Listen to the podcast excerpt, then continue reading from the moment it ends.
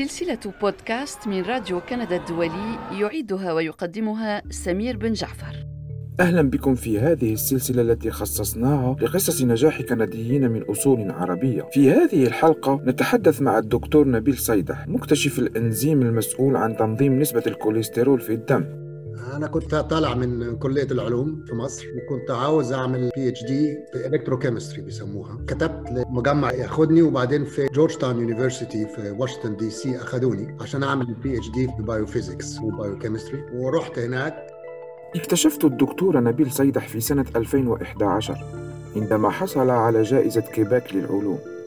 وليست هذه أولى جوائزه وقد كللت الجائزة اكتشافاته المتعددة. وأبرز اكتشافات هذا الباحث المصري الأصل هو اكتشافه لهرمون البيتا أندورفين المسؤول عن الشعور بالراحة وتخفيف الألم وفي 2003 اكتشف إنزيم PCSK 9 المسؤول عن تنظيم نسبة الكوليسترول في الدم وأعطى هذا الاكتشاف دفعا قويا لصناعة الأدوية المضادة للكوليسترول وسألته لماذا هاجر إلى كندا؟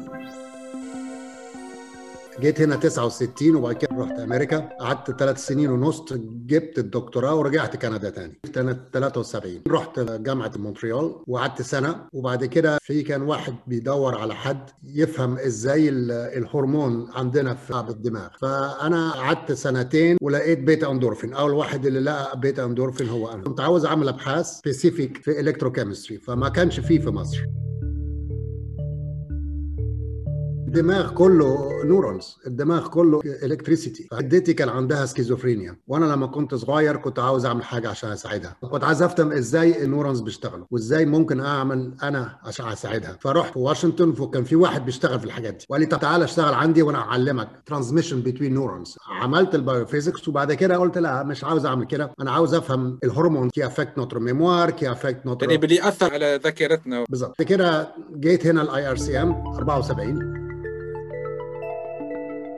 beta endorphin هي بروتين صغيرة بيسموها نعم. peptide 31 amino acid اللي اكتشفناه إن هي جاية من حاجة أكبر من كده. فإيه اللي بيخليها تبقى صغيرة كده؟ تاخد enzymes قعدت 15 سنة أدور على ال enzymes دي. كان صعب قوي ما أقولكش عملت 20000 دماغ اشتغلت عليه عشان أعمل extraction وبعد كده ما عرفتش أعملها. فقلت لا خلينا بقى إيه نغير ال approach ورحت فرنسا. كان ال PCR لسه طالع. كان لسه جديدة. الناس اللي في كاليفورنيا لقوا حاجة بيسموها PCR لما تسمعها دلوقتي عشان الكورونا كانت معروفة في the 80 فأنا فكرت قلت طب ما أستعمل ال PCR دي عشان اطلع الانزيم اللي أنا عاوزهم. ومشيت الحكاية. مشيت وبعدين طلعناهم.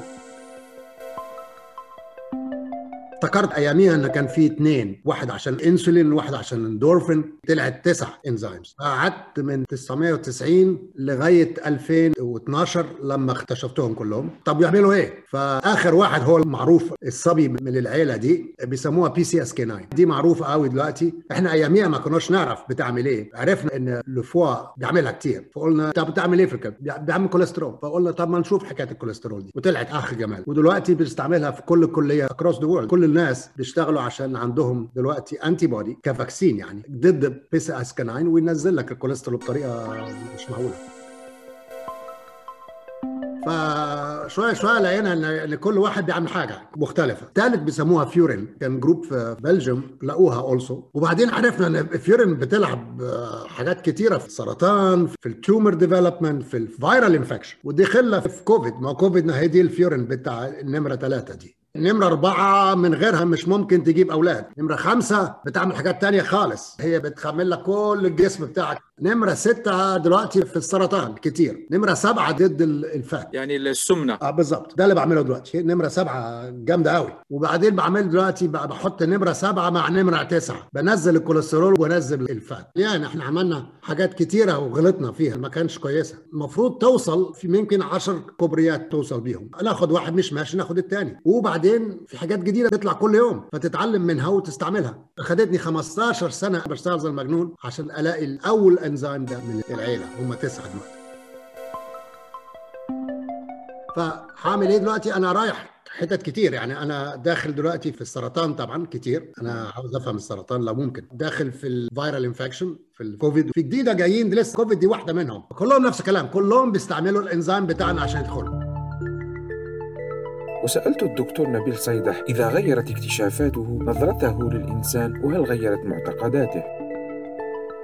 يعني أياميها كان الناس بيقولوا يا سلام بص على الشمس بص ما كانوش بيفهموا. طب دلوقتي فاهمين إزاي الشمس ماشية وفاهمين إزاي يعني في حاجات كتير مش فاهمينها. يعني كل ما هتحاول تفهم حاجة تلاقي 20000 حاجة ما تفهمهاش. فإحنا بعيد قوي عشان نفهم كل ده. بنفهم حاجات صغيرة. أنا اللي فاهمها إن إحنا كلنا بنستعمل chemicals عشان نمشي ال... الآلة يعني. إنما في حاجات كتيرة كتيرة مش فاهمين. لو عندنا الرب اللي عمل الحاجات دي ما أعرفش. مش ممكن أقول لك. أنا ممكن أقول لك إن دلوقتي ب- بقينا نفهم زيادة إزاي الجسم ماشي. هجي لك حاجات كتيرة تقول لك مش ممكن تعملها. لا ممكن. زي ما أوباما بيقول yes we can ف faut pas se décourager لازم. تحاول. بالظبط. لازم تحاول تحاول. tu dois avoir confiance en toi يكون عندك ثقة في نفسك. ثقة في نفسك.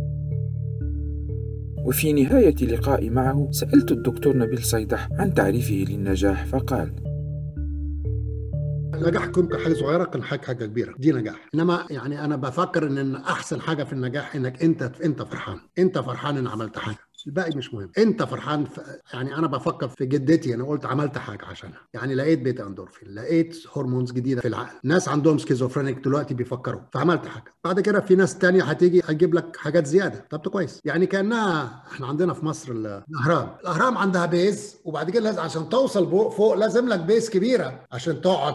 تطلع تطلع تطلع لغاية ما تعرف فوق. فإحنا بنعمل ال base وبعدين شوية شوية بن- بنوصل لفوق. نفس الكلام الأهرام نفس الحاجات. آه لما كنت صغير كنت بركب حصنة جنب الأهرام دي وبفكر فيهم عملوها دي إزاي والعلوم نفس الكلام. ناس كتيرة بتشتغل في البيس وبعدين في شوية منا بنوصل فوق. نفس الكلام.